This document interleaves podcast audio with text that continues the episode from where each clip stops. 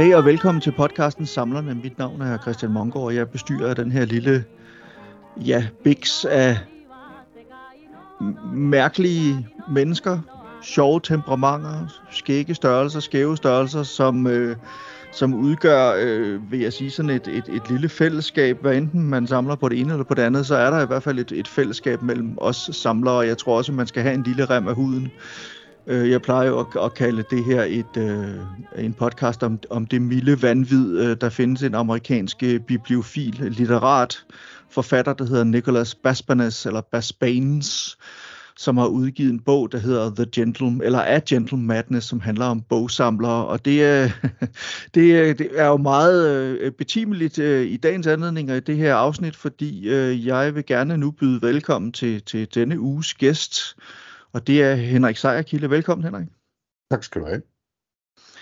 Henrik, vil du ikke øh, præsentere dig selv en lille smule? Det er måske ikke for meget, altså nu har jeg jo ligesom afsløret, det formentlig at det kommer til at handle om bøger her, men, men vil du ikke fortælle lidt mere om dig selv? Jeg skal prøve. Øhm, Jeg er 53 år og øh, er debat- og kronikredaktør på Jyllandsposten til daglig. Har været journalist siden starten af 90'erne. Øh, Så det har handlet meget om journalistik i mit liv. Jeg bor mellem Aarhus og Randers sammen med min kone. Øhm, Og øh, vi er lige flyttet hertil for et par måneder siden, så øh, det ene af de to rum, hvor der er bøger, mine bøger i hvert fald, det er næsten klart. Det andet ligner noget, der er løgn, men øh, der er indkøbt ekstra reoler, så det bliver vel også til noget på et tidspunkt. Øhm, ja, det var vel sådan Men- set det. Ja, Men, men, korte, men lad os, meget, meget korte træk. Et meget, meget korte træk. Jamen, det er Ja. også fint, men lad os, lige, lad os lige starte med det med flytningen, fordi øh, det var formentlig ikke så længe, før jeg selv skal flytte. Og øh, jeg tror ikke, jeg har øh, lige så mange bøger, som du har. Det kan vi komme tilbage til, hvor mange du har. og Sådan noget. Men jeg, har, jeg tror, jeg har 5.000 filmer, måske et par tusind bøger og tegneserier og alt muligt andet og sådan noget. Og jeg er jo allerede begyndt at møblere det sted, hvor jeg Mm. formentlig så også skal flytte hen og begynde at tænke i reoler. Og, og så kan man sige, en af de ting, der er ved at flytte, når man er samler, det er, at det på den ene side er redselsfuldt, fordi der er virkelig mange ting, der skal flyttes. Og man er jo også lidt øm over sin samling, og hvordan skal det dog ikke gå, og det ene og det andet. Den anden ting, der er ved at skulle flytte, det er muligheden for at omorganisere og omtænke måske sin samling, eller i hvert fald måske få en anden form for styr på den, eller et eller andet. Jeg er i hvert fald begyndt at tænke sådan nogle tanker om, der skal gøres et eller andet med min samling. Jeg kunne godt bare tænke mig lidt at høre om dine egne sådan spekulationer som bogsamler. For du har en ret stor bogsamling, så vidt jeg har forstået. Jo, øh, og jeg vil sige, når man flytter, så bliver man ret bevidst om, hvor stor den er. Øh, det er som om, at bøger muterer, når de kommer ud af reolerne. Altså man kan selvfølgelig godt se, at der står mange bøger på reolerne, men når de skal ned af den, specielt hvis det, skal, det har udartet i et omfang, som øh, jeg vil jo have forsvoret, men at man kan komme i ekstreme tilfælde til at stille bøgerne i to rækker, så er det en meget, meget ubehagelig overraskelse, når den ene kasse efter den anden bliver fyldt, og man kan stort set ikke se, at de er taget fra jorden. Øh, og der kan man godt overveje øh, i erkendelse af, at en gang samler, altid samler, men man kan måske godt halvt i spøj, halvt i desperation have drømt om, at man samlet på frimærker i det mindste. Øhm, Eller glansbilleder, ja. ja, jo, et eller andet, ikke? Eller, eller rødvin, som man så kunne drikke, men folk, der samler på vin, drikker det jo heller ikke, vel? Så, så der er nok ikke nogen vej udenom. Øhm, altså, som jeg har lige i øjeblikket, jeg har to rum, øh, som sagt, i, i det hjem, jeg er ved, at vi er, er ved at falde på plads i nu. Øhm, og, og nu er det jo den mørke tid på året, så, så det kræver lidt, lidt ekstra lys at, at gå og arbejde med de der bogstakke i det andet rum, og det er der så ikke så meget af lys af i øjeblikket. Øh, jeg er nemlig heller ikke elektriker, så derfor så har jeg ikke fået sat særlig meget lys op. Jeg, jeg, har, jeg, har et par, jeg har et par øh, standardlamper, som jeg går og kniber øjnene sammen under. Så det går langsomt, og det er selvfølgelig møghamrende irriterende, at de ikke, man ikke bare ved et trylleslag kan få bøgerne på plads.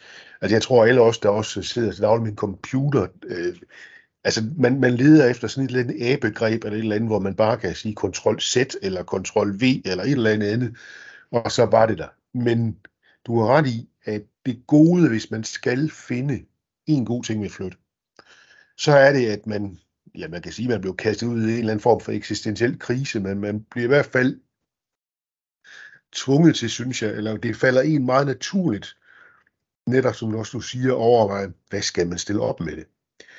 Og nu er vi så flyttet et par gange her over de senere, øh, senere år, øh, og øh, den forrige gang, jeg flyttede, eller forrige, forrige gang, jeg flyttede, øh, fik jeg egentlig ikke ryddet så meget ud i min bogsamling, som jeg gerne ville, fordi det løb lidt fra mig.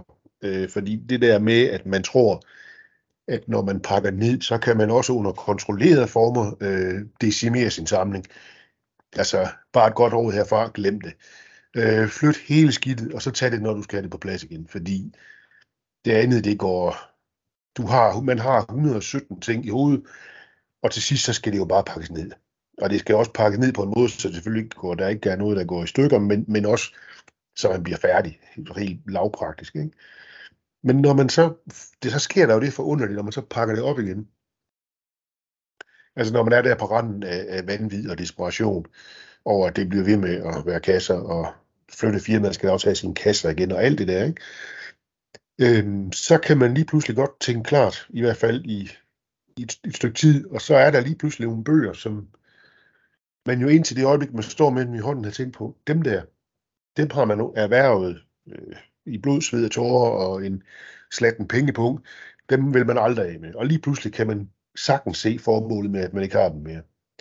Så øh, altså uden at være helt færdig nu, så har jeg faktisk det, der nok svarer til en 6-7 kasser bøger, som ikke skal op på reolerne. Man kan så sige, det er fordi, der ikke er plads, men, men altså, det kunne man så ordne ved at købe en reol mere. Men, men det skal de ikke. Og det, øh, fordi de, dem er jeg færdig med, viste det sig så. Har jeg besluttet, øh, har de fortalt mig. Øh, på en eller anden måde. Ikke? Øh, og, og det, det så handler om der, for lige at, at sådan afslutte den der gør det selv guide til dig, ikke? det er bare et godt råd. Få dem ud af huset hurtigst muligt. Altså, de må ikke stå så længe de kasser, så på et eller andet tidspunkt i et svagt øjeblik begynder at kigge på det og tænke, ah, den der kunne man også, lige, lige pludselig har du kun to kasser tilbage, og så er det jo lige vidt. Øh, og, det, og det er meget irriterende, men om man kan man sige, det der med at samle handler også om dynamik på en eller anden måde. Ikke? Altså det er jo det, der er, er noget af det, det er mere, en af de mange vanvittige ting ved at samle, er jo, at man stræber jo efter en eller anden form for selvdefineret perfektion i sin samling. Og når man så er så tæt på den, som man kan komme, eller man i hvert fald ikke rigtig kan finde det, man synes, man mangler, så kan sådan en samling jo godt gå hen sådan og visne lidt på en eller anden måde. Fordi så, så er der ikke noget at jage, så er der ikke, så er, eller så er der for langt mellem trofæerne, og så, ja.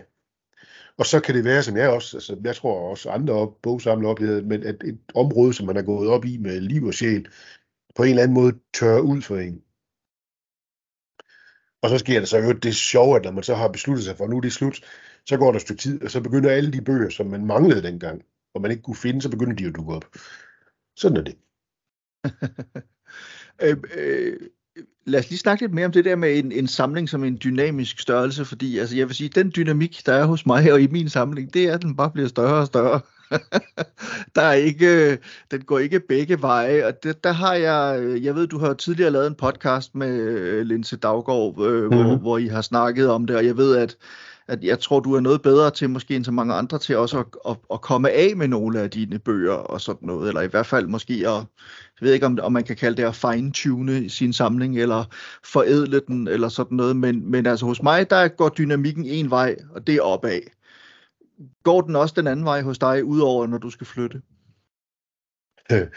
Jamen, jamen det, det går op og ned i showbiz, ikke? Som, som Frans Becker lige sagde den der gasolin-dokumentar, ikke? Altså, det gør det også i, i samleriet, ikke? Fordi, ja, der kommer noget ud, men, men bundlinjen, den store bundlinje er jo, at der kommer mere, end der kommer, der kommer mere ind, end der kommer ud, ikke? Altså, øh, jeg kender asketiske, enkelte asketiske bogsamler, som kan holde sig i skinnet, øh, og som kan nøjes med en reol eller to, og det er jo fint. Altså, det er jo også pladsindsyn. Nu er jeg så, så heldig, at jeg har pladsen til det. Øh, Mm, og jeg er fuldstændig klar over, at for mange mennesker i dag, specielt hvis man, hvis man bor i et nyt hus, der er indretningen jo ikke lige frem øh, skabt til metervis af bogreoler i et, og når et, et hus i virkeligheden dybest set består af en uh, indbygget garage og et køkkenalrum. Ikke? Øhm, men, men ja, der kommer meget ud, men, men der, der kommer mere ind. Altså og det er, det er jeg faktisk glad for at høre, fordi så, så, så det er ikke kun mig. Jeg vil så sige, der kommer så overhovedet ikke noget ud af min samling. Altså, øh, men jeg er jo spændt på nu her, når jeg igen formentlig snart skal flytte, hvad der så kommer til at ske. Fordi mm. jeg har også nogle, jeg har sådan en meget lang gang, hvor jeg har bøger over det hele og sådan noget, men jeg har også nogle skunkrum i den lange gang, hvor der står noget af min legetøjssamling og sådan noget. Og, og nogle, øh, nogle af mine DVD'er med tv-serier på og sådan noget. Og jeg er lidt spændt på at se, hvad der kommer til at ske med den del af samlingen, fordi jeg har det jo skidt med, og det ved jeg ikke, hvordan du selv har, men jeg har det skidt med, når ting bliver i gåsøjne begravet. Jeg kan huske, at jeg interviewede øh, min kollega på Information og mangeårig litteraturprofessor øh, Torben Bodstrøm, ganske kort tid inden han døde, øhm, og hvor han, han havde jo også en kæmpe bogsamling, som han så måtte skalere ned, da han flyttede i et lidt mindre hus øh, sammen med sin kone og sådan noget, men han, der snakkede vi lidt om det her med at have bøger stående i kasser, og han sagde, at det var netop præcis ligesom at begrave dem, det kunne han aldrig nogensinde finde på, mm. altså det, det, fordi så kommer de aldrig frem igen. Jeg ved ikke, hvordan du selv har det med, med den Jo, det, det tror jeg er fuldstændig ret i, altså, fordi man kan jo sige, Altså, det behøver ikke at være noget, man samler, men altså, jeg bortset fra julepynten selvfølgelig, men altså de der, de der obligatoriske kasser, man altid stiller op på loft med ting, som man ikke, altså, hvor tit er det, man så i virkeligheden tager de kasser ned. Altså, det gør man jo aldrig. Øh, altså, det er jo det der gamle ord, rav, det er noget, man smider ud dagen, før man skal bruge det, ikke? Altså, men, men, men det tror jeg er ret i. Altså, jeg har det også sådan lidt, jeg har det, og det er også, sådan, det er også en del af det dynamik, fordi nogle gange, altså da, jeg flyttede, da vi flyttede hertil, det rum, jeg sidder i nu, som, som er, som sagt, så godt som færdig, øh, der var ingen stakke. Altså der, hvor vi boede før, der var efterhånden, der var et bogrum, og det var ret proppet. Viste det sig også nu, hvor det så blevet fordelt over to rum, og stadigvæk er fyldt. Ikke? Øh, men, men de, de første stykke tid her, der var det pænt, neat and tidy. Det var bøger i olerne, og ingen stakke på gulvet, og ingen stakke på, på bordet, og noget som helst andet. Og det var også fint, og det var sådan, det var sådan jeg gerne ville, ville have det. Øh, men nu har jeg så boet her, vi har boet siden øh, november, og øh, nu er der tre stakke på det bord, to stakke på det bord, og så er der en skammel over, der er en stak på, og så, så er der to stakke rundt om stolen. Og de fleste mennesker vil sige, det ser da herrens ud for at rydde op menneske. Altså, men, men, men i virkeligheden må jeg jo bare, jeg har, jeg har siddet og spekuleret lidt på det, når jeg har siddet, og, om jeg skulle, hvad jeg skulle gøre ved de der bøger, og altså jeg må nok bare erkende, jamen, det rum lever jo i virkeligheden først nu, hvor de der stakke sådan forplanter sig rundt omkring. Altså det er jo ikke, fordi det er jo ikke, det er jo ikke et museum, det er ikke et udstillingslokale, det er jo sted, det er jo sted, hvor man lever. Øh, og det kan da godt være, at du har de der, de der pæne, de der bøger, bla bla bla, ikke? Men, men det er jo også bøger, der bliver brugt. Og er et udtryk for de bøgers ejer på en eller anden måde. Ikke? Og jeg er ikke nogen udpræget revisortype. Nej, men, men det, det, det vil jeg give dig fuldstændig ret i. Der skal være bogstakke øh, af forskellige slags rundt omkring, som man går og flytter rundt på hele tiden. Ikke? Øhm, jeg tænker lidt på, øhm, der var øh, en, en Sherlockiansk, øh, meget berømt Sherlockiansk samler, mm. i mhm. hvert fald i Sherlockianske kredse, som hed John Bennett Shaw. Han sagde noget i retning af, at man kan starte med en hylde, og så kan man få en reol og en samling, og så til sidst så har man et bibliotek. Øh, har du et bibliotek? Ja, det har jeg nok, det har jeg nok i virkeligheden. Altså, der var i 40'erne, der havde det, der hed Berlingske Aftenavis, der, der havde de sådan en enkete med danske bogsamlere, som senere blev samlet, to, samlet i to små bind, der hed mit, mit bibliotek. Og forbløffende mange af de, og det var dengang, det var sådan overretssagfører og pænere lærte mennesker, ikke? mange af dem. Og Storm Petersen også, men, men øhm, mange af dem var, var slog syv kors for sig og fægtede i, i, i vanlig dansk øh, øh, erbødighed over at blive kaldt bogsa eller bibliofil, og, og de havde ikke et bibliotek, det var en bogsamling. Altså hvor de så på en eller anden måde øh, øh sådan kartede lidt rundt i det der, uh, det må ikke hedde bibliotek, for så lyder det for dyrt, men, men altså et bibliotek, hmm, jo, jeg kalder det bibliotek, men, men, men altså, det er jo også en bogsamling, fordi det er jo en, altså, bogsamling siger man gerne, sådan, synes jeg, man har hørt, ikke? Altså, det er sådan lidt nedværdigt, det er en samling af bøger, det er jo stille, hvor det får det til at lyde lidt sådan småtilfældigt, og det, det er det jo ikke. Altså, fordi så, hvis det var småtilfældigt, så var der jo mange flere bøger. Øh, fordi det er klart, at nogle af dem, der kommer ud igen, er jo fordi, de ikke passer sammen med resten. Øh, så det er et bibliotek, øh, og så er der også det ved, ved det, synes jeg også, at det er jo det, altså, nu skal man jo ikke sige noget om folkebiblioteker om mængden af bøger på folkebiblioteker, men, men øh, altså, bogsamlere i gåsøjne i gamle dage, de havde jo hele huset fyldt, og de havde jo i virkeligheden, et, i sådan, mange havde jo i virkeligheden et mini-folkebibliotek, altså hvor man godt nok ikke havde decimalklassesystemet, men, men, men man havde jo inden for alle emner, fordi man ikke havde Google, for eksempel. Øhm, og bogsamler i dag, øh, og det er jo ikke kun på grund af det der med køkkenalrummene, men bogsamler i dag er jo meget mere selektive. Øh, altså jeg kender bogsamlere, som har, som, som sagt har den der ene reol, men det der står i den reol er bare noget af det bedste af det bedste, fordi det er den forfatter, eller de få emner, de samler på. Altså, hvor, hvor man måske før havde, ikke? altså typisk også præster i gamle dage, ikke? Altså, som havde de der kæmpe studereværelser med 10.000 bind, ikke? Altså, det, det tror jeg godt, du kan gå ind i en præstegård der, og ikke at finde, altså. Mm. Øhm. Ja, men, men det vil, jeg vil sige det, og jeg, jeg, jeg har det jo selv på samme måde. Jeg, jeg samler meget bredt, men, men altså lige for eksempel, hvad Sherlock Holmes litteratur angår, der har jeg en ret hæftig samling efterhånden, ikke? Og, og, øh, og hvad filmlitteratur, som jo ligesom er, er det fag, jeg beskæftiger mig med professionelt, øh, ja, og også øh, i, i, i, i privaten, om jeg så må sige, eller det er jo stort set hele mit liv, hvis jeg nu skal være helt ærlig. Så øh, kan man sige, det her, jeg har også en meget, meget stor samling, eller et bibliotek af øh, film- og tv-litteratur efterhånden, ikke? Så, så det er jo sådan også ligesom øh, meget naturligt, og så har jeg så ellers alt muligt andet ud over det. Øh, jeg tænkte på, altså inden vi, vi begynder at snakke måske lidt mere specifikt om, hvad det er, du så samler på, hvad, der, hvad det er for nogle ting, der, der, der befinder sig i dit, øh, i dit bibliotek.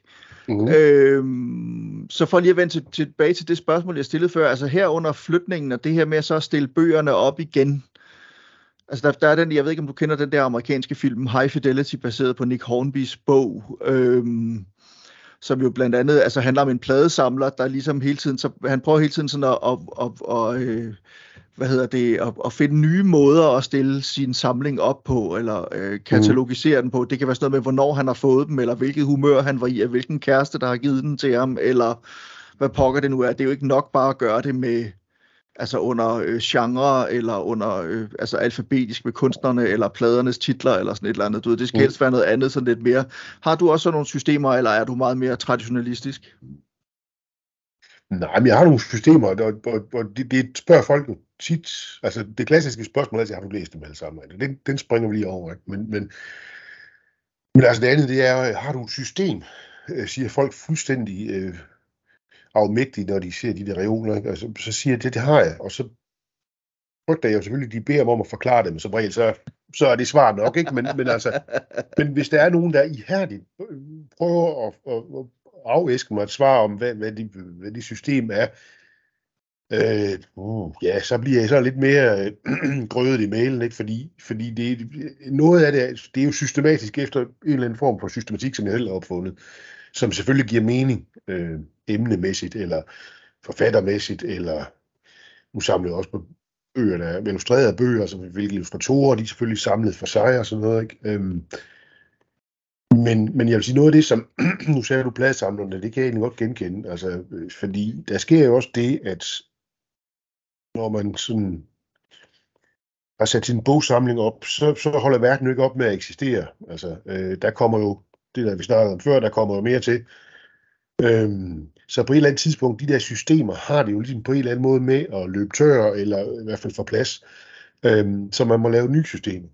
Systemer mm. i systemerne, og aflæggersystemer, ja. og, og også sådan, hvad skal man sige, øh, hvis man har nogle reoler, hvor man kan have flytbare hylder, øh, så har man store formater med en forfatter derovre, så har man nogle almindelige formater i den anden, og lige pludselig, som tiden er gået, så, så kan man jo dårligt nok selv øh, hele redde systemet. Jeg har, har det oplevet, det var det, også bare det, det seneste sted, jeg boede, øh, og, og tog rundt i reolerne og ikke kunne finde en bestemt bog, som jo burde, men så havde jeg jo glemt, at jeg havde flyttet den over i et nyt system. Og der kan man sige, der er det jo godt, for nu at indgyde dig lidt mod, der er det jo godt at flytte, fordi så får man jo chancen til at begynde forfra igen. Ikke? Så kan der så gå nogle år, inden det, inden det udarter igen og, og bliver helt håbløst. Ja. Og så kan man Lad os, så over, om man skal flytte igen, eller man skal gøre noget ja, for at få styr på det hele. Altså, Ja. man er simpelthen nødt til at flytte hver 10. år for at få styr Ja. på samlingen. Vi Øh, bliver boende, har vi besluttet. Ja, det, det, lyder, det lyder sgu også meget fornuftigt. Det er også hårdt at flytte rundt med alle de ting. Ja. Hvad hedder det, Henrik? Øh, vi skal også snakke lidt om, hvordan du begyndte at samle og sådan noget, men lad os lige øh, prøve at få på plads, hvad vil du sige, hvad er grundstammen i din samling, sådan emnemæssigt? Hvad er det, altså så kan vi snakke måske om nogle af de tråde, det også bevæger sig ud i, men hvad er, hvad er grundstammen i din samling? Jamen, grundstammen i min samling er egentlig bøger om bøger. Altså om typografi, bogtryk, bogbind. Øh, og det er, det er jo så det der, den der samlermæssige dominoeffekt, ikke? fordi øh, jeg flyttede til Ringkøbing i 1994 som jeg journalist, og øh, jeg har egentlig altid haft sådan, hvis når man flytter et nyt sted hen, altså ikke fordi jeg har været en cigøjner, men, men, men altså når man flytter et nyt sted ny, i en ny egen, så er det meget rart at vide, hvad det er for en egen, og man så køber selvfølgelig bøger for den egen og sådan noget. Det gjorde jeg også for Ringkøbing. Øh, jeg fandt ret hurtigt ud af, at, at Ring, det, det, der hed Ringkøbing Amt, dengang havde huset rigtig mange gode bogtrykkere. Øh, og så begyndte jeg jo at, øh, at samle både bøger om området, men også de der øh, privattryk, som, som øh, bogtrykkerne derovre havde lavet, og været, nogle af de fremmeste til at lave herhjemme. Og lige pludselig så havde, og det var jo fint, fordi de var, det var altid nogle tynde hæfter, så det kunne man, de fyldte jo ingenting. Indtil lige pludselig var en reolvæg igen, fordi der var mange, og der var mange bogtrykker dengang. Nu er der stort set ingen tilbage. Men det var der jo dengang. og de lavede mange af sådan nogle ting, fordi de lavede det jo også sådan Con Amore. Øhm, og så har det udartet, altså så har det, været, så har det udartet til jamen, faglitteratur om bogtryk og bogdesign og bogbind. Altså det bogbind er jo kommet til os som sådan en videreudvikling, fordi når du så har de hæftede bøger, så kan man også gerne have dem indbundet, og så vil man gerne have dem pænere indbundet, så du kan jo nå at købe den samme bog fire gange. Øhm, I værste fald. Fordi så vil man også have et endnu pænere bind.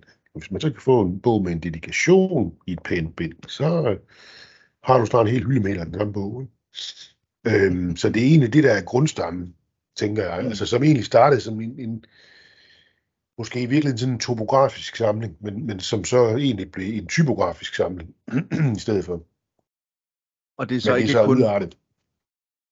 Ja, det er så udartet sig til også at være andre bogtrykker, går jeg Ja. ud fra. Ja, og illustrerede bøger, ikke? Altså illustratorer og sådan noget. Altså, jeg har rigtig gode venner, som, som har samlet meget mere illustratorer, end jeg har, men, men de, de, de illustratorerne er også øh, fra den gode periode af det 20. århundrede, er også, øh, der har også meget, meget tæt sammen, sammenhæng med typografien.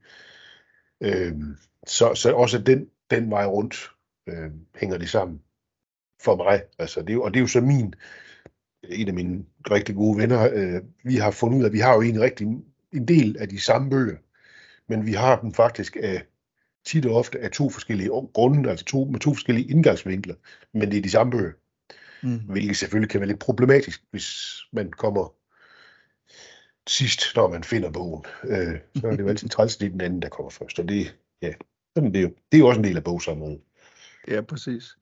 Øh, men sig mig, altså det lyder som om, at, at, at den, altså de ting, du samler, at der er en indholdsmæssig nydelse i dem, altså det at kunne læse dem, men der er også en æstetisk nydelse i det, Mm. det at kunne se på dem, og så er der i virkeligheden også en taktil nydelse, som kan være at røre ved dem. Mm. Er det rigtigt forstået? Det er fuldstændig rigtigt. Altså, jeg har altid sådan øh, koketteret med, at øh, jeg kan ikke læse romaner. Altså, jeg kan ikke læse skønlitteratur, for jeg har ikke fantasi nok til det. Og det, det, det bogsamler kan godt lide at kokettere, tror jeg. Og det, det, altså, det, det er jo ikke helt rigtigt. Altså, så vil jeg sige, så, så har jeg et reolvæg her på 5 gange 4 meter, som, som er ret overflødig i hvert fald, vil jeg sige. Men, men det passer, så det passer selvfølgelig heller ikke. Men altså, det, jeg har, min udgangspunkt er faglitteratur i virkeligheden, og, så er det skønlitteraturen kommet, kommet til. Men jeg kan godt, jeg kan godt der, der er en indholdsmæssig nydelse i skønlitteratur også, og lyrik. Jeg har læst meget lyrik, og læser det også stadigvæk i perioder øh, med stor fornøjelse. Øhm, så, så der er en indholdsmæssig, og så er der, altså, jeg lærte som så mange andre i min generation, lærte jeg at læse ved at læse øh, med et leksikon. øh, øh, fordi det jo havde en, en ret kundevenlig øh, blanding af, af billeder og tekst. Øh, og, og, og når man så sidder der, det var dengang, der var en tv-kanal og sådan noget der i 70'erne, og der, de sendte jo ikke i dagtimer, øh, jamen så sidder man der med Ben 7 og lavet med leksikon, og så er det bare begyndt fra en ende af. Øh, og så bliver man lidt altså, nørd, eller videbegærende hedder det, ikke? Øh, fordi man jo simpelthen æder den fra indtagen, altså bind 7 og bind 8 og helt op til, var det 21 bind, der var, ikke? Øh, så, så det er, det er, det er viden, altså, og det er oplevelse, og så er det, så er det, altså, hvad skal man sige, den tekniske. Jeg har været heldig at møde nogle af de der gamle mestre inden for, for bogtrykkunsten, som på en eller anden måde har, har vist mig nogle ting. Altså, noget af det, som man måske virkelig ikke øh, snakker ret meget om i dag, altså, øh, altså den der æstetik og de ting, som, altså det, det, det der håndværk, altså bogtrykket som håndværk, fordi altså, de, de, de sad stod der og med deres sættekasser og deres halvøj, ikke? altså i overvis og lært gennem et langt liv. De havde måske i virkeligheden et, et, næsten, en, sådan, de havde det i fingrene bogstaveligt talt, ikke? på en anden mm. måde, end hvis man også der i dag sidder og klapper løs på et computertastatur. Ikke?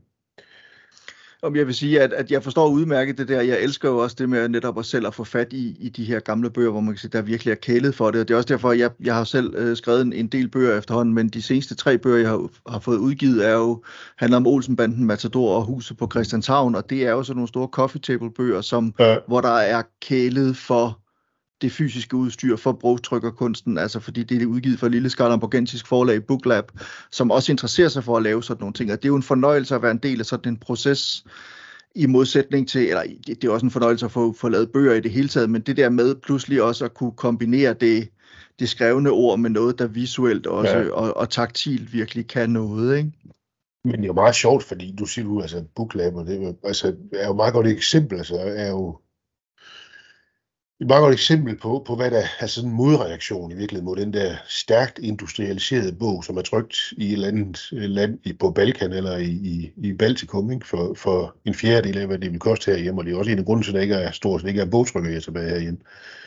Fordi man skal jo være simpelthen velhævende for, for, for trygt herhjemme. Ikke? Men, men altså, jeg synes, de sidste 10-15 år har man jo set den der modbevægelse, lige så vel som LP-bladet er kommet tilbage igen, virkelig, og gud bedre, der også kassettebåndet til synligheden.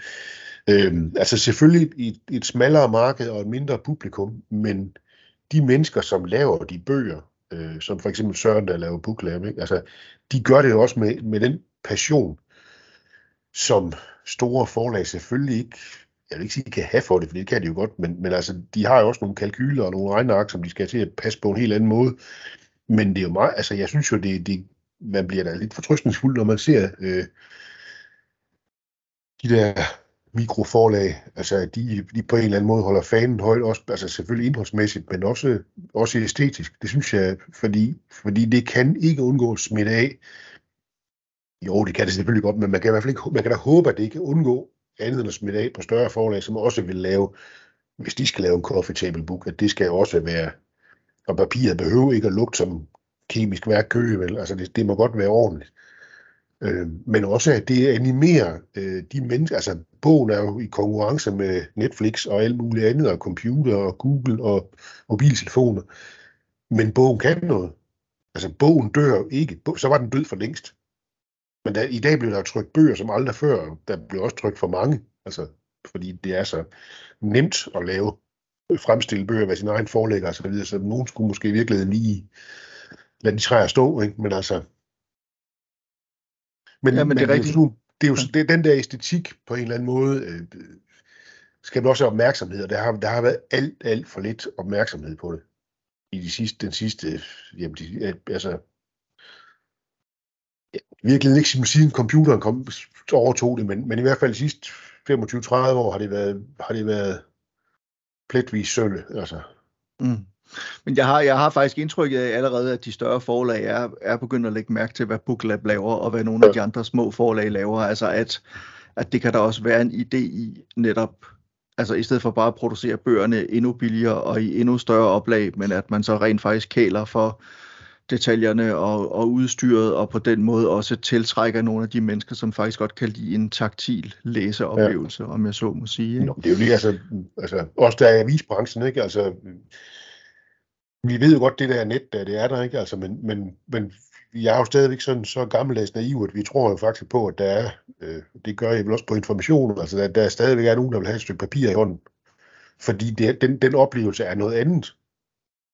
Og det er jo ikke, det er jo ikke enten eller, det er jo både og. Det kunne så bare være lidt billigere selvfølgelig, men altså, det, det er jo, altså, fordi du kan sige, at jeg, jeg, jeg, det er jo ikke sådan, jeg er ikke sådan, fundament, sådan bogfundamentalist. Altså, jeg, jeg gav min kone en e-reader, og hun bruger den, og hun, hun har sparet 10.000 vis af kroner på at, at læse bøger, som kostede, ville koste 400 kroner per, per bog. Og, og, og prøve at læse dem på sin e-reader, finde ud af efter 30 siger, det var godt nok dødssyg. Så tager man bare en ny.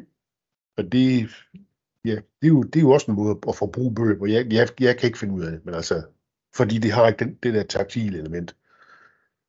Altså, jeg har også selv lige købt en Kindle faktisk for første gang. Jeg plejer at læse øh, bøger også, eller ikke plejer, men jeg læser også bøger på min iPad, øh, for eksempel, eller har gjort.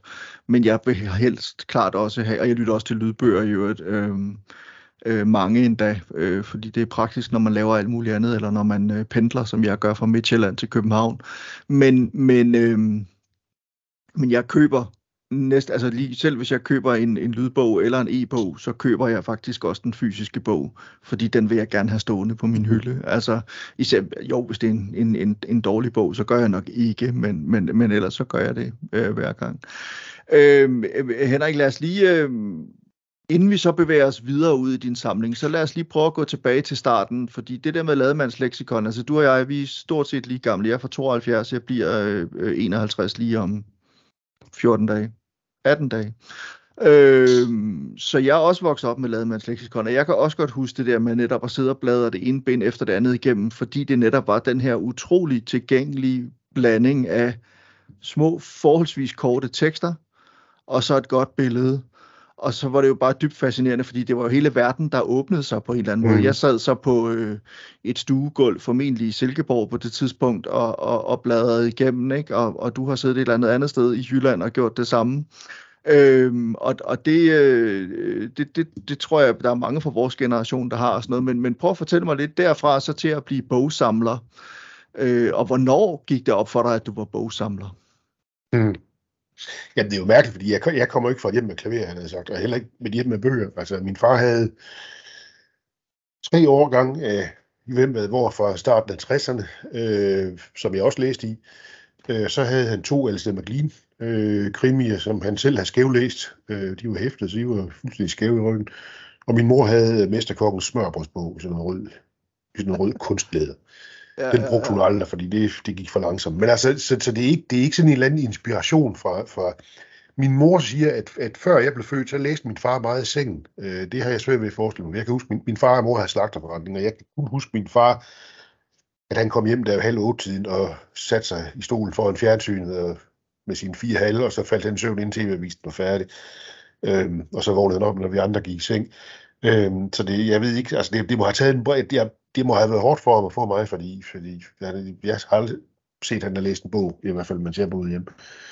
Øhm, han abonnerede også på, på Unions bogpakker, det var, han kom til at vandvare, og han kunne ikke slippe af med det, så han lød med at betale for dem, men de kom stadigvæk i overvis.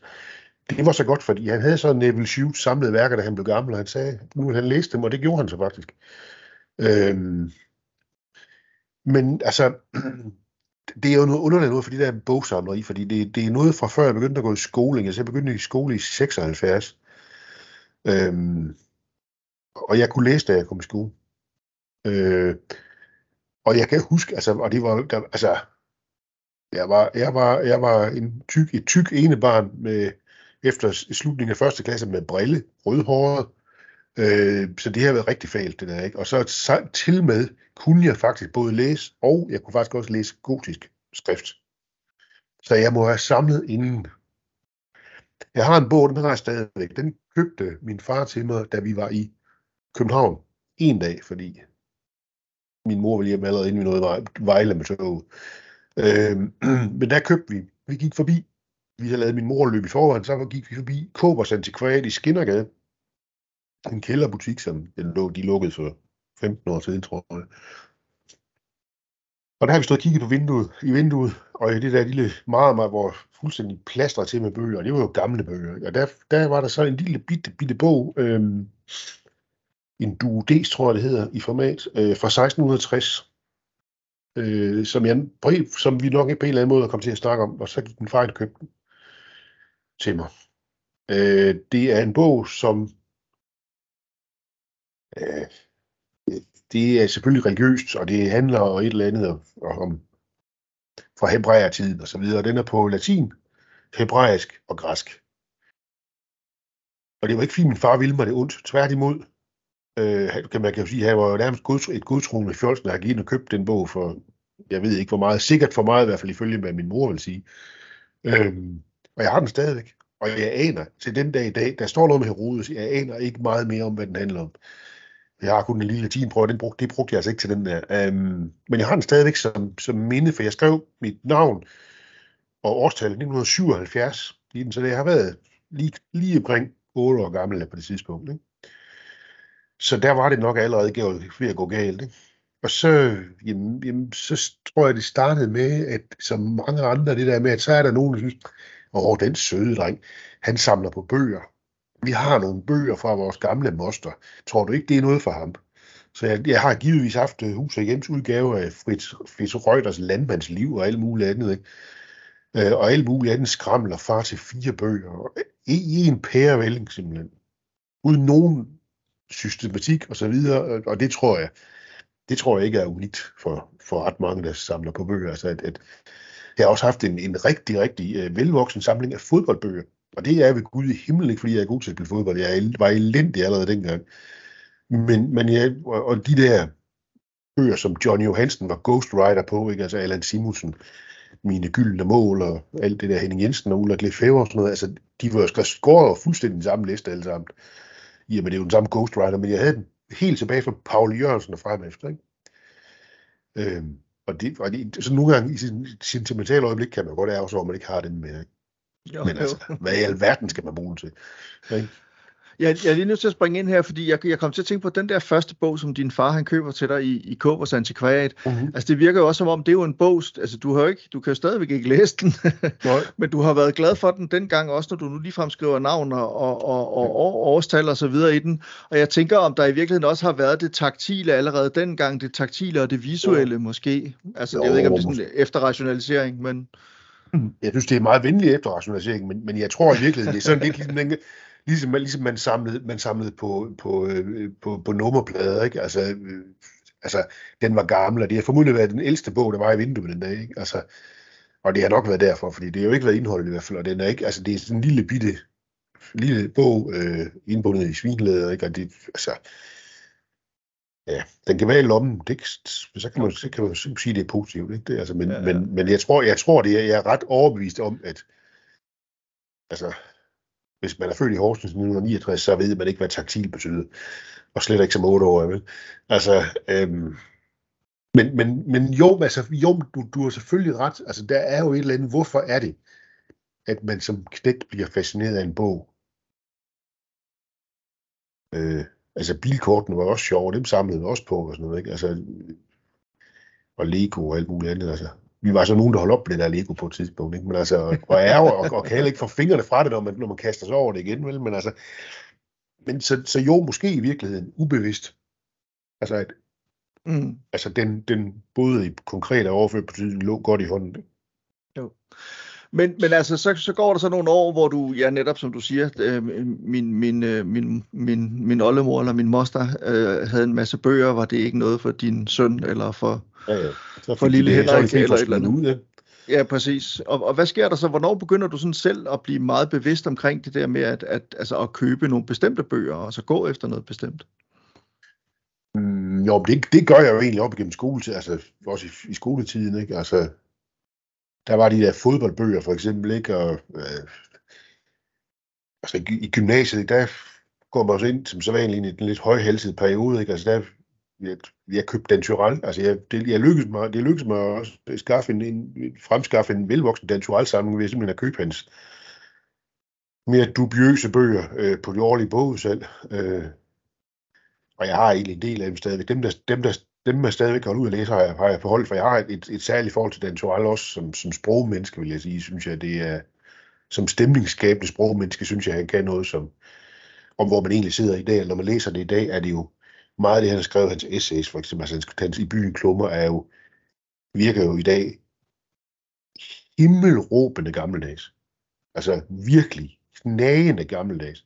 Og det var de jo i virkeligheden allerede dengang. Men det er meget sjovt, hvis man kan huske København.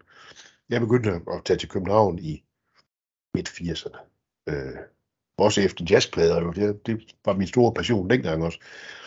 Øh, når man ser det der petroleumslugtende København, øh, som jo ikke er der i dag, så, så kan man egentlig godt så, ja, så kan man egentlig godt læse de der klummer, fordi, fordi når man selv lige har set de sidste, de sidste rester af det, inden det blev saneret, øh, men der er også det, det, med... det, var, det var det ikke, altså, og, og ja. så skulle man jo læse digter og sådan noget, altså det gjorde jeg meget en overgang. Øh, og det brugte jeg, jeg meget lige... sprogligt, synes jeg, altså Ja, egentlig. men for lige at vente, bare lige hurtigt det der med Dan Tyrell, som jeg synes er ret interessant også, fordi noget af det, jeg holder meget af med Dan Tyrell, det er, at han, jo, han var digter, og han var forfatter, og han blev anerkendt også efterhånden på Parnasset og sådan nogle ting. Men han frasagde sig jo aldrig sine populære kulturelle interesser eller fascinationer, kan man sige. Og han skrev om Dracula, og han skrev om gyserfilm, han skrev om, om hårdkogte kriminalromaner, han skrev hårdkogte kriminalromaner og sådan ja. noget. Altså det var, på den måde var det jo en fornøjelse også, og det er en fornøjelse stadigvæk at, at læse nogle af de der bøger, hvor han virkelig, der var også de der... Øh, øh, hvad fanden de hed, de mediemontager. Ja, sådan en, en stribe, ja, stribe bøger, han skrev ja. der med essays om, om alle mulige forskellige, ja. altså alt fra Lou Reed til, hvad ved jeg ikke, altså og Ezra Pound. Jo, jo, og, og der kan du sige, de der, netop de der mediemontager, ikke? Altså, dem, dem læste jeg jo også dengang, ikke? Og, og jeg anede ikke en klap om, hvem Lou Reed var, men jeg har aldrig hørt Lou Reed, men altså når man kommer i et hjem, hvor, hvor man er vokset op med Bror Kalles kapel, ikke? Altså, så er Louis, Reed, tager der meget langt til, til Louis, Reed, ikke? Og så er der, nogle tænder tysk tv på fællesantenne, så er der slakker på art, ikke? Øh, eller disco, hårdt pumpet tysk disco, ikke? hvis det går vildt til. Ikke? Altså, så er det langt til Lou Reed, men, men, men det er jo også en, der, der får man også en dannelse, og det er jo, det er jo virkelig, de der, altså, de der mediemontage essays har, har en værdi, synes jeg. Også i dag. Mm. Men altså, så, øh, så du opdager Dan Tyrell og, og begynder også at købe noget af han, og sådan, altså, men, men, ja. men, men, men jeg, jeg prøver også sådan at lede lidt efter det der tidspunkt, hvor det går op for dig, at du samler. Altså, hvor du ligesom får den erkendelse, at du ikke bare kan lide bøger, men at du er bibliofil, og du, ja, du er ja, samler. Jo, men altså, det, altså, det vidste jeg jo godt dengang. Altså, jeg, jeg var også, jeg var, nå, du kan jo sige det på den måde, jeg var samler dengang. Da jeg var teenager, var jeg samler nu sagde du selv bibliofil, og det er jo igen det der, det der med bibliotekskrådstræk bogsamling, ikke? altså bibliofil, det lyder også, det lyder også sært, det, det lyder virkelig sært, ikke?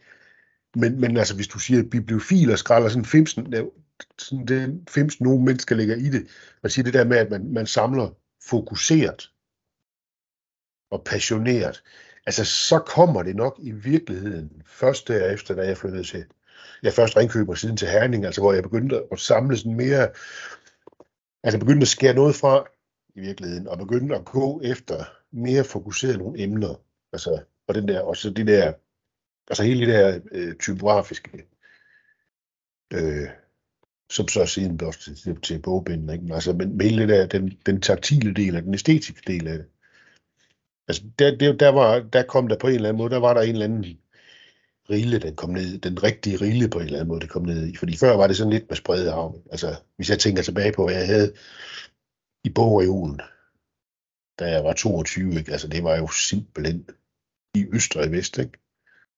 Så det vil sige, så her aldersmæssigt, så har vi været op omkring de 30, eller sådan lidt andet, ja, de sidste ja, 20'erne måske. Ja, ja.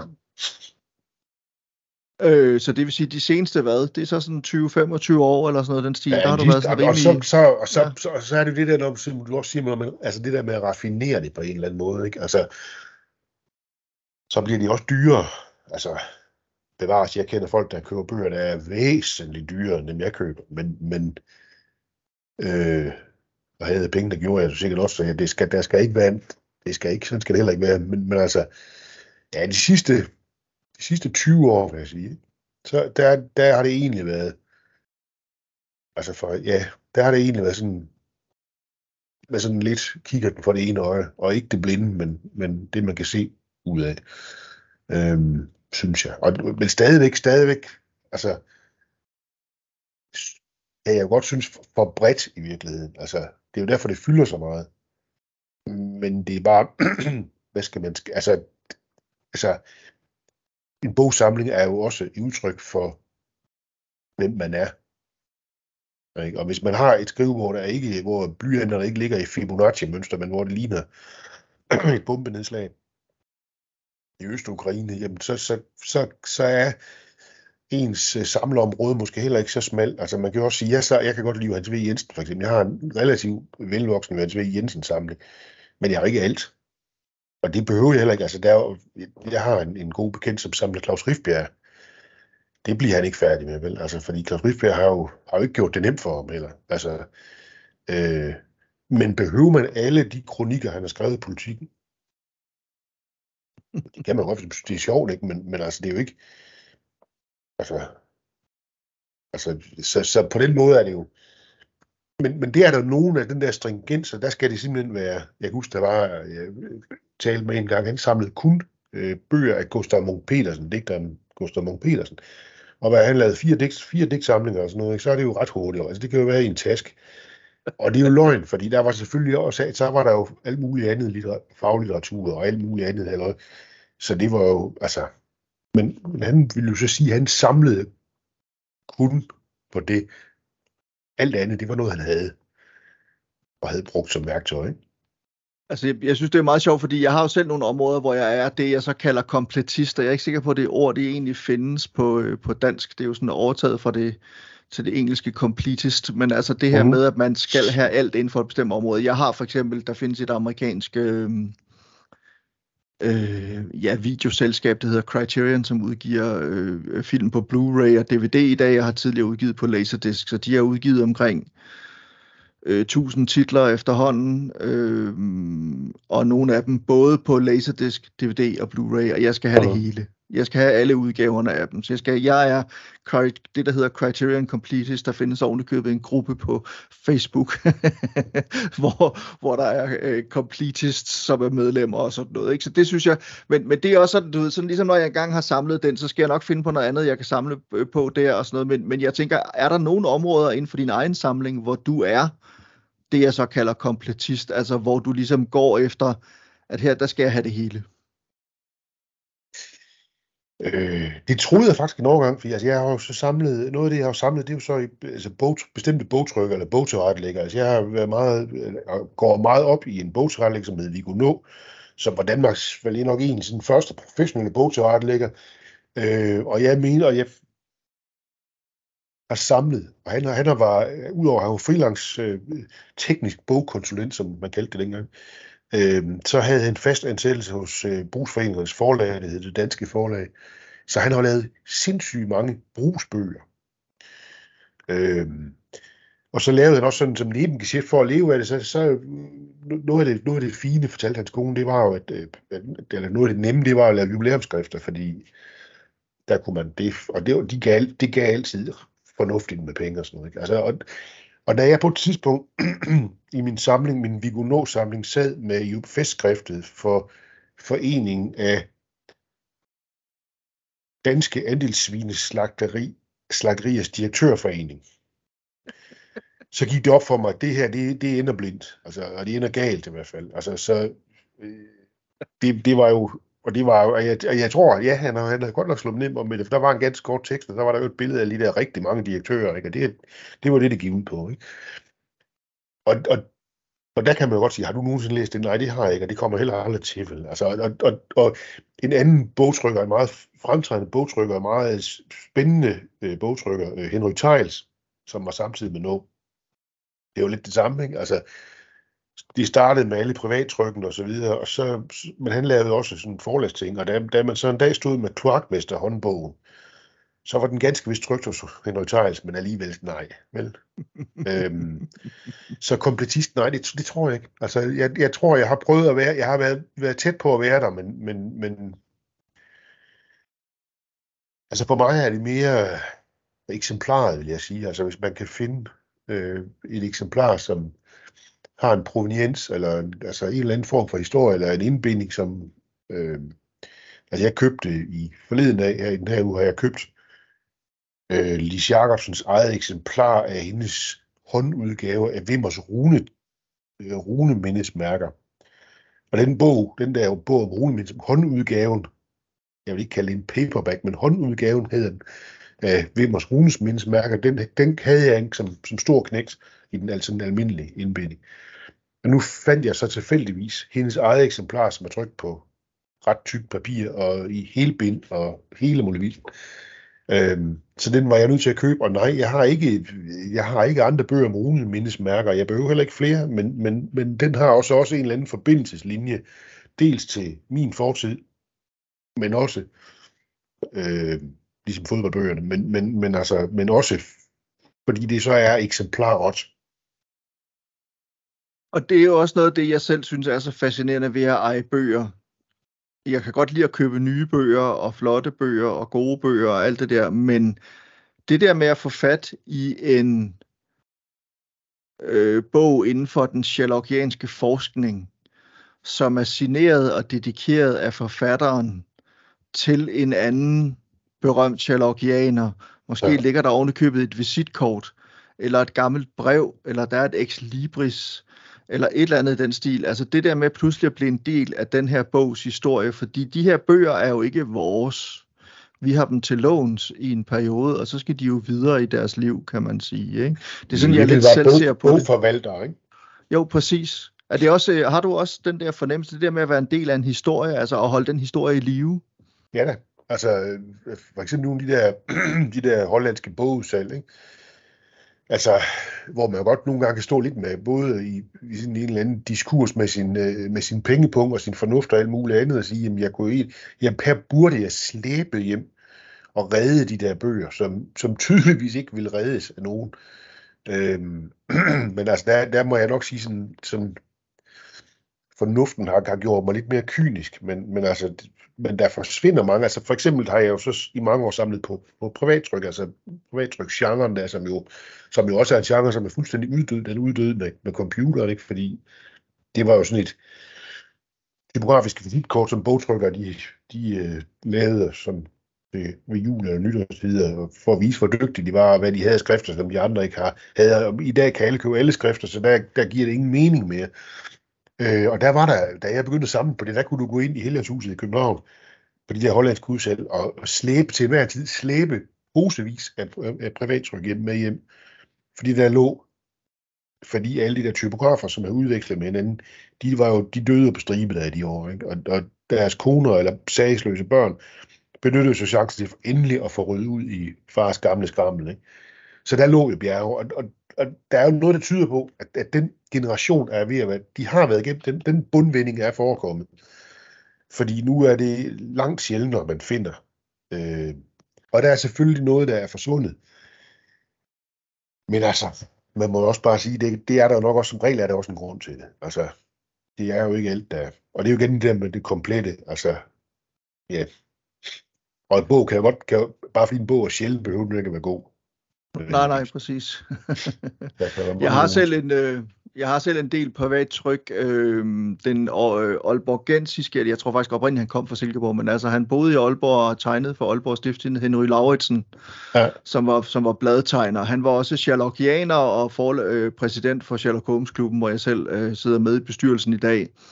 Han døde for en del år siden, men, men øh, han udgav hvert år, næsten hvert år til jul eller nytår, udgav han sådan et et lille særtryk om et eller andet sherlockiansk øh, emne, eller om vedløbsheste, som han også holdt meget, mm. eller, eller cigaretter, eller cigarer, eller hvad pokker det nu var. Ikke? Altså noget, noget af det, som han ligesom holdt meget af, det blev oftest øh, trykt på øh, Silkeborg Bogtrykkeri, som vist nok var i familiens eje. Jeg tror, det var en af hans brødre, der havde Silkeborg Bogtrykkeri, eller i hvert fald havde det været i familiens eje. Der var i hvert fald en eller anden forbindelse der. Eller ja. Så der er virkelig mange af de der, og så bliver de jo ofte trykt i 221 eksemplarer, fordi 221 B Baker Street, og og sådan noget der, ikke? Så, så det er jo sådan meget sjovt, men du ved, og dem, altså der er stort, så i øvrigt, stort set ikke nogen ekse, eksemplarer, som, øh, som ikke er, er både signeret og dedikeret. Det er meget sjældent at finde en Henry Lauritsen bog, som ikke er, ja. som man ikke har haft noget ved at gøre, men de er ret fascinerende, de der øh, privattryk, fordi de faktisk er virkelig flotte, og håndværket er flot, og altså, der er gjort noget ud af dem.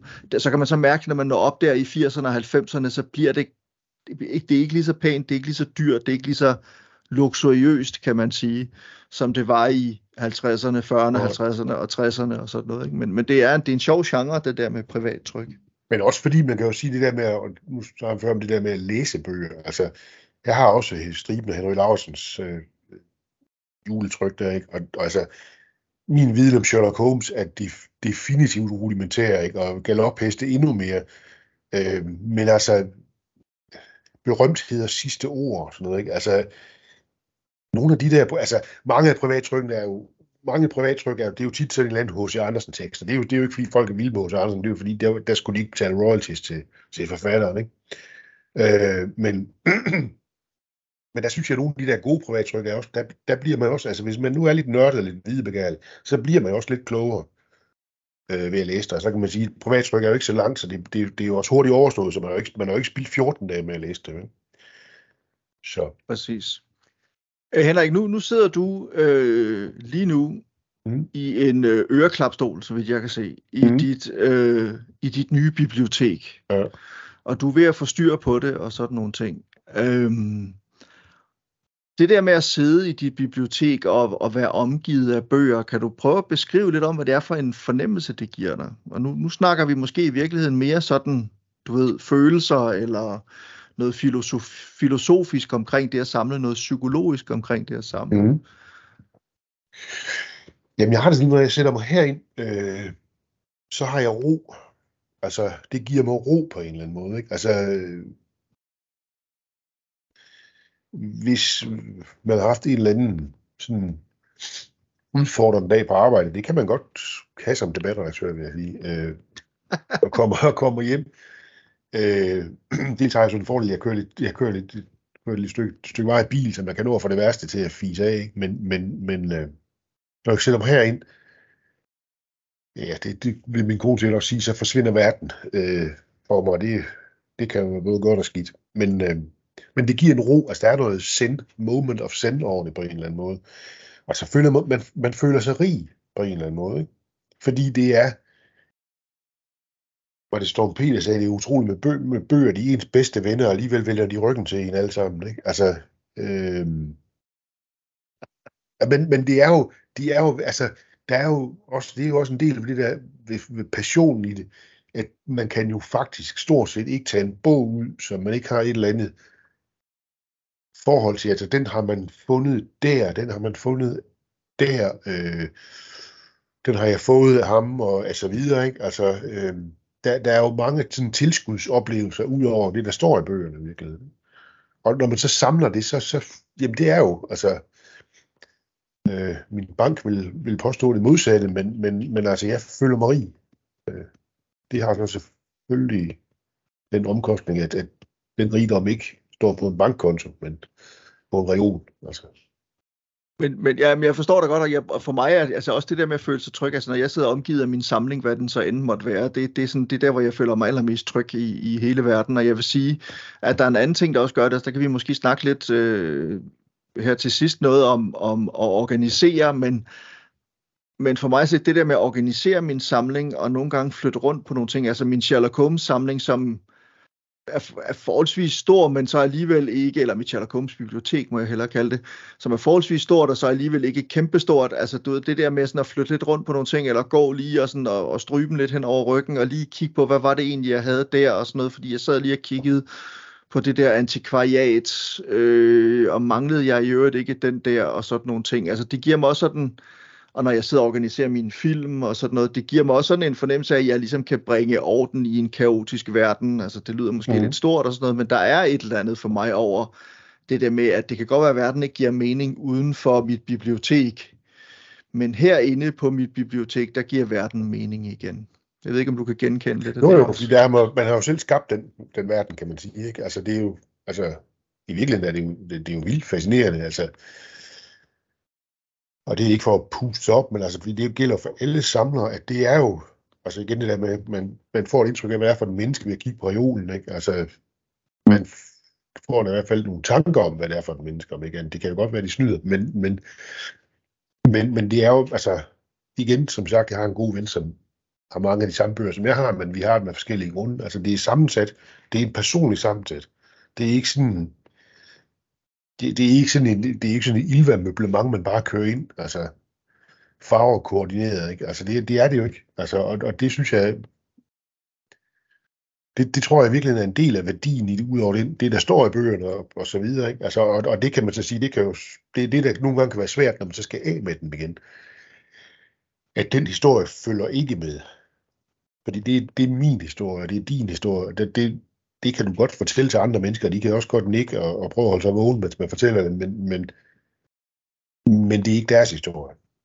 Men man kan så sige, de skal, altså, jeg har også været heldig at få foræret bøger, også i nyere tid, af, af, af andre bogsamlere, hvor man kan sige, hvor de på en eller anden måde har betroet mig de bøger, fordi de egentlig gerne vil give dem et godt videre liv på en eller anden måde, ikke? i stedet for at, altså igen, øh, altså selv, selv bøger, det, det, er jo, det er jo sådan lidt en, en altså det, det undrer mig lidt nogle gange, at, at bøger er så lidt værdsat, også som, kunstindustrielt produkt i virkeligheden, fordi øh, når du ser alle de der, hvad er det værd programmer, så er der jo Ven og Stole og Børge Mogensen, Bore, jeg ved, i, et, i et vækker alle mennesker har hørt om Vener og Børge Mogensen og Finn Men hvem har, hvem har hørt om Viggo Nå, eller Henry Tejls, eller Folmer Nordlunde for eksempel, som var samtidig med Børge Mogensen og Vener, og som lavede fremstillede dansk kunsthåndværk og kunstindustri på fuldstændig samme måde, som de andre lavede møbler og vaser og så videre. Der er bare ingen, der interesserer sig. Altså, det, nej, det ingen i gåsøjne, der er bare ikke, det er bare ikke, og en betragtning af, at der er jo lige så mange mennesker, der læser bøger, som der sidder på en stol, øh, så burde det jo faktisk være sådan. Mm. Øhm, og det kan man sige, det er jo også et problem, altså mængden af antikvariater øh, svinder jo desværre hastigt ind. Og dem, der er tilbage, er jo ved ja. at sejne af bøger, ikke? Altså... Jo, præcis. Øh, blandt andet også derfor, der bliver afholdt så mange hollandske bogudsalg. Altså, det er jo en måde at slippe af med bøgerne på sådan forholdsvis hurtigt og, og effektivt. Ikke? Ja. Øhm, men, men fortæl mig lige en gang, øh, nu, nu, vi, nu vi så er bevæget os derhen, øh, det der med et, et netværk, altså du, du snakker jo for eksempel om andre samlere. Jeg kender jo også mange andre samlere. Jeg har gode venner, som jeg samler nogle ting sideløbende med, og så er der andre, altså jeg har en virkelig god ven, som, som også samler på Sherlock Holmes litteratur, ja øh, ligesom jeg gør, og, og, og du ved, vi har lidt igen øh, John Bennett Shaw, som jeg henviste til tidligere, han havde den der med, at hvis du har et eksemplar, så må du prale, hvis du finder to eksemplarer, så, så skal du dele. Og, ja. og, og det, det er sådan ligesom vores filosofi i forhold til hinanden, og når, ja. når han, han bor inde i København, og arbejder, han er bog, han arbejder i, i Arnold Busk, og og går tit forbi øh, bogudsalget der, det hollandske bogudsalg, lige når det åbner, fordi så støvsuger han lige for, hvad der måtte være af, af Sherlock Holmes litteratur, ikke? Sådan at, at øh, og, så, og, så, og så deler vi øh, byttet efterfølgende, ikke? Øhm, men hvad for en form for netværk har du? Hvad for en form for netværk findes der inden for den her meget specialiseret, kan man også sige, øh, øh, afart af bogsamleriet, som, som, som du dyrker? Jo, altså, man kan sige, dels møder man jo folk, altså nogle gange står man og gnur på skuldre, fordi det er hollandsk udsalg, og nogle gange kommer man så til at tale med hinanden, ikke? som man vil gøre ved en grønthandler også, men, men øh, og jeg er medlem af det, der hedder Dansk Bibliofilklub, som er en klub for maksimalt 70 bogsamlere, øh, som mødes, og vi har jo altså vidt forskellige tilgange til, til øh, til bogsamler, som bogsamleri, og, og, og det giver jo sig selv, nogen kommer man selvfølgelig tættere på end andre, fordi man har fælles interesse. Og så vil jeg jo sige, at øh, altså, internettet er jo øh, altså Instagram, jeg har aldrig troet øh, men, men Instagram er jo faktisk øh, et rigtig fint øh, sted at, at, at, at, at sådan kigge efter ligesindet på. Øh, og også forskellige Facebook-grupper, altså for eksempel altså salgsgrupper og så videre. Ikke? Og der, der, der møder man selvfølgelig nogen, som skal rydde op efter svigerfar, men man, man møder jo også nogle gange andre bogsamlere. Og der kan man sige, at vi har jo alle sammen en fælles interesse i, som, som, som din gode ven er, at vi, vi deler øh, på den ene eller den anden måde, eller både vidensdeler, men også bogdeler med hinanden. Og, og altså jeg har en, en, en rigtig god bogven, som jeg har kendt i ja, snart 30 år, øh, som jeg mødte tilfældigt for, øh, kom i kontakt med for 30 år, og, og vi, har, vi har byttet bøger øh, lige siden. Øh, og vi har aldrig, det, det, jeg tror aldrig, at der har været fem flade ører mellem os, men, men vi har byttet. Han øh, har en formidabel samling af lystfiskerlitteratur, hvilket jeg ikke har. Øh, så der er ikke nogen sammenfaldende interesser. Jeg har jo selvfølgelig efter fattig evne forsøgt at finde en lystfiskebog i ny og næ, som han ikke havde, hvilket har været svært, men det er der lykkedes af til. Og så og nogle gange har han jo så også øh, taget bogen, eller fået bogen, og så har han byttet videre med nogle, an, nogle andre, som så er inden for det felt og så videre. Og så, så får det jo et liv på en eller anden måde, og så får man de der kontakter, og det, øh, jeg vil sige, egentlig overraskende mange, øh, i betragtning man jo også er konkurrenter i godsøjne, overraskende mange af de kontakter, jeg har fået gennem, gennem årene, fra egentlig udviklet til venskaber, som også kan snakke om andet end bøger. Altså, øh, og det synes jeg jo, det er jo en berigelse i sig selv. Altså, det er jo en berigelse, lige så stor en berigelse som, som bogen i sig selv. At man også møder mennesker, som selvfølgelig er ligesindede. Altså, det, det, er jo den, det er jo den krog, man har grebet fat i hinanden på, men, men hvis man så kommer til at snakke sammen, så kan det godt være, at tiden går så længe, at man begynder at snakke om noget andet end det. Også når man så mødes igen og igen. Ikke? Fortæl mig lige, øh, i forhold til at organisere, altså har ja. du, øh, har du øh, et kartotek Nej. over din samling? Nej. Nej. Som sagt, jeg er ikke bogholdertypen, og det, det, jeg, det, er, det, jeg er blevet spurgt om det tit og sådan noget, og nej. Og det kommer ikke til, og det, det, vil, også være, det vil også være det glade vanvid, fordi man kan sige, der er, der er jo alligevel en, en, en relativ udskiftning, så det vil være spildt arbejde, trøster jeg mig med. Øh, og så må man leve med, at man en gang imellem kommer til at købe en bog, som man troede, man ikke havde i forvejen, men som man så havde i forvejen. Og så kan man, som hvis man er en god bogsamler, så kan man altid finde en god undskyldning for, at man beholder den. Men, men du har en fornemmelse af, hvad du har? Øh, ja. men finder alligevel, når du flytter bøger på hylden, som du havde glemt. Men det, det kan man sige, det er jo en af de positive ting ved, at man får det hele kastet op i luften og smidt ned igen. Ikke? Det er jo, at man rent faktisk, hvor man tænker, gud, rimer vel, har du også den? Det havde jeg glemt. Og så heldigvis har man ikke noget for købt den i mellemtiden. Nej. Men, øh, men, men der, der dukker noget op, som man havde glemt i hvert fald. Den sidste, aller sidste ting, jeg vil spørge dig om, Henrik, inden du får lov til at slippe, det er øh, dine egne bøger. Mm. Fordi din interesse for bøger og for bogtrykkerkunst og for bogdesign ja. har jo også omsat sig i, at du har skrevet i hvert fald to bøger. Ja. Måske har du endda skrevet flere. Øh, men i hvert fald to bøger har jeg lige umiddelbart fundet, om, om som handler om, altså der er en om øh, Grandchamp, øh, ja. blandt andet, ikke? Eller var det begge to om ham? Det er jeg lidt i tvivl om. Nej, jeg skrev i 2004 skrev jeg en øh, biografi om Austin Grandchamp, som var chef til på Gyldendal i en menneskealder. Øh, det var en bestillingsopgave. Øh, og så det var, det var på mange måder en, en kæmpe oplevelse, fordi han var jo han var omdrejningspunktet på Gyldendal i, i, de, i de store år, og det var, som jo, når man når vores alder, ofte og ofte hører sig selv sige, det var en anden tid. Øh, altså de der, de der salgs- og oplagstal, som Gyldendal øh, leverede i, i 60'erne, øh, altså som alle forlag leverede i 60'erne, men specielt Gyldendal selvfølgelig, det er jo helt absurd. Altså, det er jo nogle, nogle tal, som man tænker, jamen, altså, altså i 100.000 vis, altså trædebøger, ikke? Altså, øh, da man genoptrykte øh, fiskerne som trænebog, solgte de 80.000 med et fingerknips, ikke? Mm. Altså 80.000. Ikke? Altså, hvor mange bøger blev der solgt i, i alt i Danmark i år? Er, det lige 80.000 i alt, måske, danske, nye danske bøger? Ikke? Øhm, det var en stor oplevelse. Så har jeg skrevet, øh, jeg har skrevet nogle artikler, øh, primært i det tidsskrift, der Bogvinden, som er udgivet for for Boghåndværk. Blandt andet skrev jeg en, øh, større portrætartikel om Freddy Petersen, som var chefdesigner ved Lademand, og ham, der fandt på Lademands leksikon, eller udformningen af Lademands leksikon. Det vil jeg sige, det var, den artikel var jeg faktisk, det er noget, det, noget jeg har været gladest for at lave, fordi Lademand har altid været noget, man rynkede på næsen af.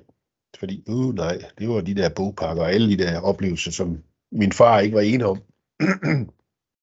Men i virkeligheden kunne Lademand noget, fordi de var, de var et, et sindssygt intelligent modsvar til tv, alle de der billedbøger, de lavede. Ikke? Og det var Freddy Petersen, der lavede det, og Freddy Petersen var der aldrig nogen, der havde skrevet om.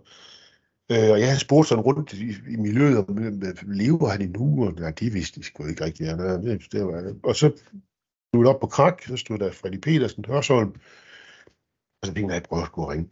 Og så ringede jeg til ham, og så sagde jeg, du den Freddy Petersen? Øh, og det var han.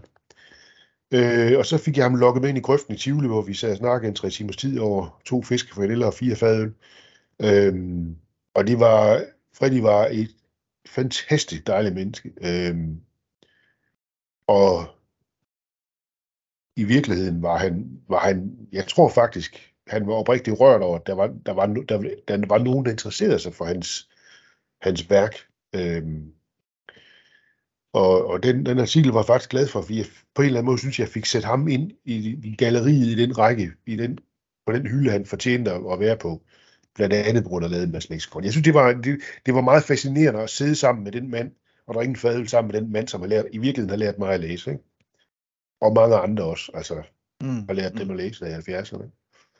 Øhm, og så lavede jeg i 2017 øhm, en bog, som hed Dansk Bogdesign i 20. århundrede, som, som er det, som min, min kone selv har sagt, at der, der tømte jeg min hjerne, han har sagt i den bog. Øhm, men den var i virkeligheden, det, det har hun ret i på den måde, at, at den trakt, det kom, kom ud i, det, det var jo virkelig det, jeg samlede sammen i 15-20 år. Øh, altså. Og den, den udfyldte et hul, synes jeg jo, fordi den, den sidste, den seneste udgivelse om som samlet fremstilling af dansk boghistorie var fra 1941, og der var der imod væk sket en del siden 1941. Men det er jo også, der, og det er jo også noget, der er så fascinerende ved det her ved at være samler, altså som folk undervurderer. Altså folk, der ikke selv samler, har svært ved at se, men det er det der med, at, at man faktisk bliver ret klog, når man samler. Fordi man jo netop begynder at dykke ned i historien bag de ting, man samler på, eller historien om de ting, man samler på, eller de emner, som ens ja. samling handler om, og sådan noget. Ikke? Altså man, man får jo lige pludselig en masse ekstra viden, fordi man har den der nysgerrighed på ja. de ting, man samler på. Ikke? Jo, og jeg synes i virkeligheden specielt der med, med, med bogen om bogdesign, som jeg så har udholdt lidt sådan foredrag, hist og pist og sådan noget. Altså, nu sagde jeg før det der med det røde hår og brillerne og alt det der, ikke? Altså, det, det har jo været, altså det der nørdstempel har jo siddet i panden på mig i stort set hele mit liv, ikke? Og, og der synes jeg på en eller anden måde, den, den, der, det lykkedes mig at smide den kappe, fordi jeg havde altid et bind med at lave Mads Lexikon, når jeg holdt foredrag, og, og, og altså, der var alle de der fine bogtrykker og alt det der så videre, og design og uha. Men når man så stod med lavet Mads så kunne selv folk, som hverken samlede på bøger, eller påstod, at de havde ikke forstand på bøger, noget som helst, så kunne, de, så kunne de godt se, hvad bogen kunne. Og de kunne godt se på, hvad det var, ved at se for eksempel på Lademands leksikon, hvad det var, en god bog kan. Eller en vellavet, veltillavet bog kan, i forhold til dem, der er trykt på lokumspapir i Kroatien, ikke? Jo, præcis. Og så kom jeg lige i tanker om en ekstra ting, jeg lige er nødt til at høre om, fordi det er noget med, at der er lavet en bog også om din egen samling. Er det rigtigt? Det er rigtigt. I kan 20 du lidt mere om den? I 20 eksemplarer? Ja, ja, ja. øhm, det, det er min kones debut som, som, øh, som bogudgiver. Jamen, øh, min søde kone havde, øh, som også selv har en del bøger, vil jeg sige. Nogle af dem har jeg givet til det. Ja, det er medskyldig. Øh, hun havde fået den, den øh, meget smukke, vanvittige idé at lave en bog. En billedbog om øh, den boghule, jeg havde, hvor vi boede før. Øh, og øh, på trods af, at jeg jo ikke lige... Altså, jeg synes jo ikke, jeg har, jeg har forulæmpet med, med at fortælle stolpe om og stolpe ned om enkelte bøger osv., så, øh, så lykkedes det hende faktisk. Øh, sammen med en fotograf, eller hun valgte nogle bøger ud, gik ind en dag, jeg ikke var hjemme eller var på arbejde, i et bibliotek og valgte nogle bøger ud, som hun fik en fotograf til at fotografere. Og fotografere også sådan meget sådan miljøet, altså det der hule, boghule miljø, øh, og fik bøger sat på plads igen. Så jeg ikke havde den fjerneste anelse om, hvad der var foregået. Før hun så øh, overlevede en kasse med 20 eksemplarer, øh, bogtrykte eksemplarer af den der, og indbundne eksemplarer af den, den bog der, som så er en, en billedbog og mit bibliotek, som det så ud indtil til starten af november i år, eller sidste år. Øh, og hun har så spurgt øh, Karl Sakrisson, som er Danmarks, en af Danmarks bedste bogtilrettelæggere, som også tilrettelagde min bog om bogdesign, øh, om han ville tilrettelægge den. Øh, og det ville han. Øh, og det, altså, jeg vil sige, som det er gået op for dig, så holder jeg selv, så, så skal der meget til for mig til at holde kæft, men, men den eftermiddag, da jeg kom hjem fra arbejde og så den bog der, det, det, kunne jeg næsten, det kunne jeg næsten ikke være i. Det, det var, der var jeg sgu målløs. Ja, og det er jeg fremdeles over det. Altså. Mm. Om det er jo også en smuk gave, og så kan man sige, så foreviger den jo så også den boghule, du havde før. Det er jo det. Ja. Så, så hvad skal vi finde på nu? Altså, nu kan lave, nu kan lave den, svære, den svære to på en eller anden måde. En, en dokumentarfilm måske, ja. ja. Der er mange muligheder. Hvad hedder det, øh, Henrik, øh, med mindre der er et eller andet, du øh, synes, du mangler at sige? Altså, jeg tror sagtens, du kunne blive ved med at snakke, det er ikke det, men, men jeg tænker, om der er et eller andet, jeg ikke har spurgt dig om, som du egentlig gerne ville spørge os om, eller noget, du gerne ville fortælle om det at være samler, eller om din egen samling.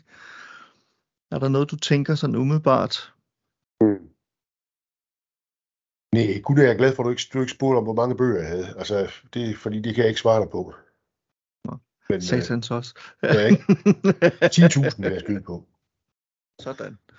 Og det er, også pænt rundt tal.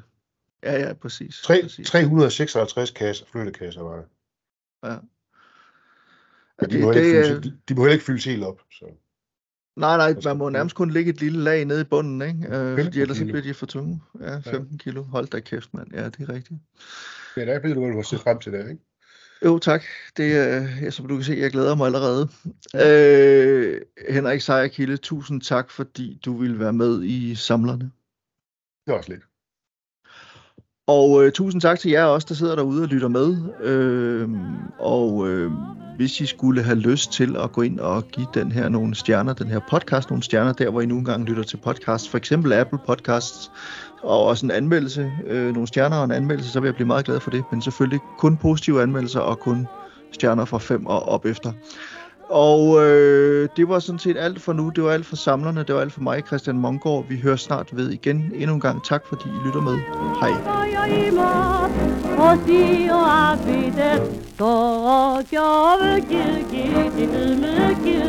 Hvor går der dykki, dykki, wakki, wakki 世界の歌楽しい歌東京ブギウギブギウギ陽気な歌東京ブギウギ